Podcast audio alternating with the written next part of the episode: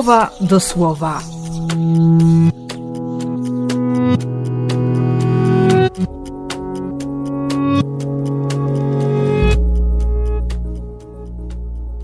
Ósmy lipca, sobota.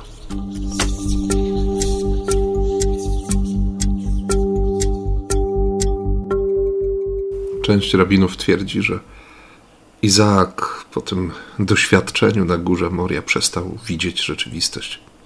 Zbyt dobrze spojrzał w oczy śmierci.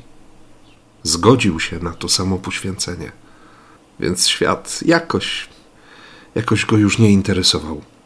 Niektórzy nawet powiedzą, że, że Izaak tak mocno, tak głęboko wszedł w Bożą obecność, że przestał jakby żyć w tym świecie.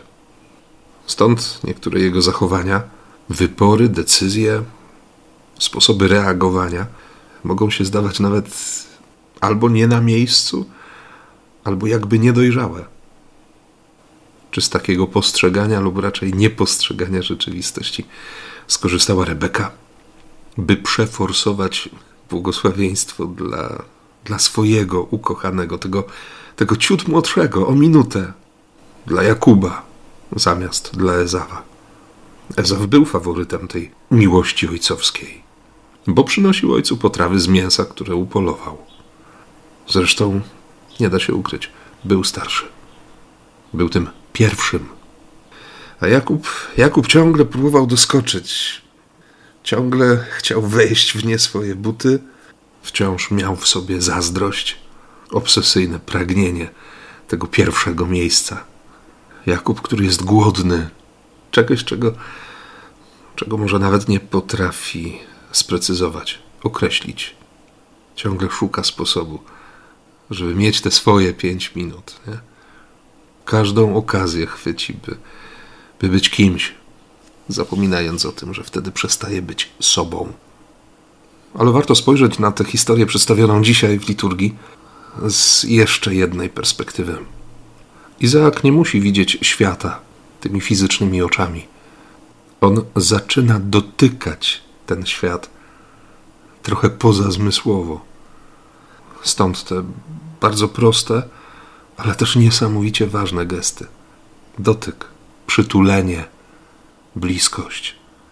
Ten dotyk to dla Izaaka jedyny sposób zdobycia wiedzy o tym świecie, ale to też ale to też droga do przekazania błogosławieństwa.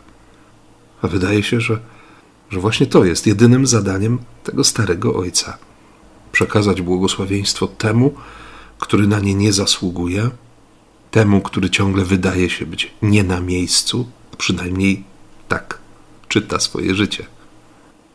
Nie wiem jak tobie, ale mnie od razu na myśl przychodzi moja relacja z Bogiem. Ojciec, który który oferuje dotyk uzdrawiający z chorych relacji, ambicji.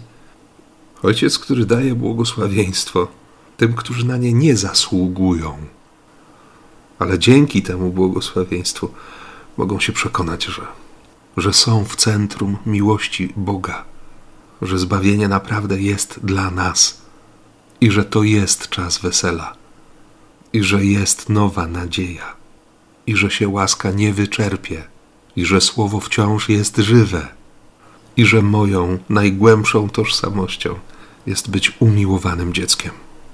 Bez względu na wszystkie inne zdania, opinie, słowa, które próbują zagłuszyć we mnie właśnie tę świadomość. Więc życzę Ci dziś tej łaski i błogosławię w imię Ojca i Syna i Ducha Świętego. Amen.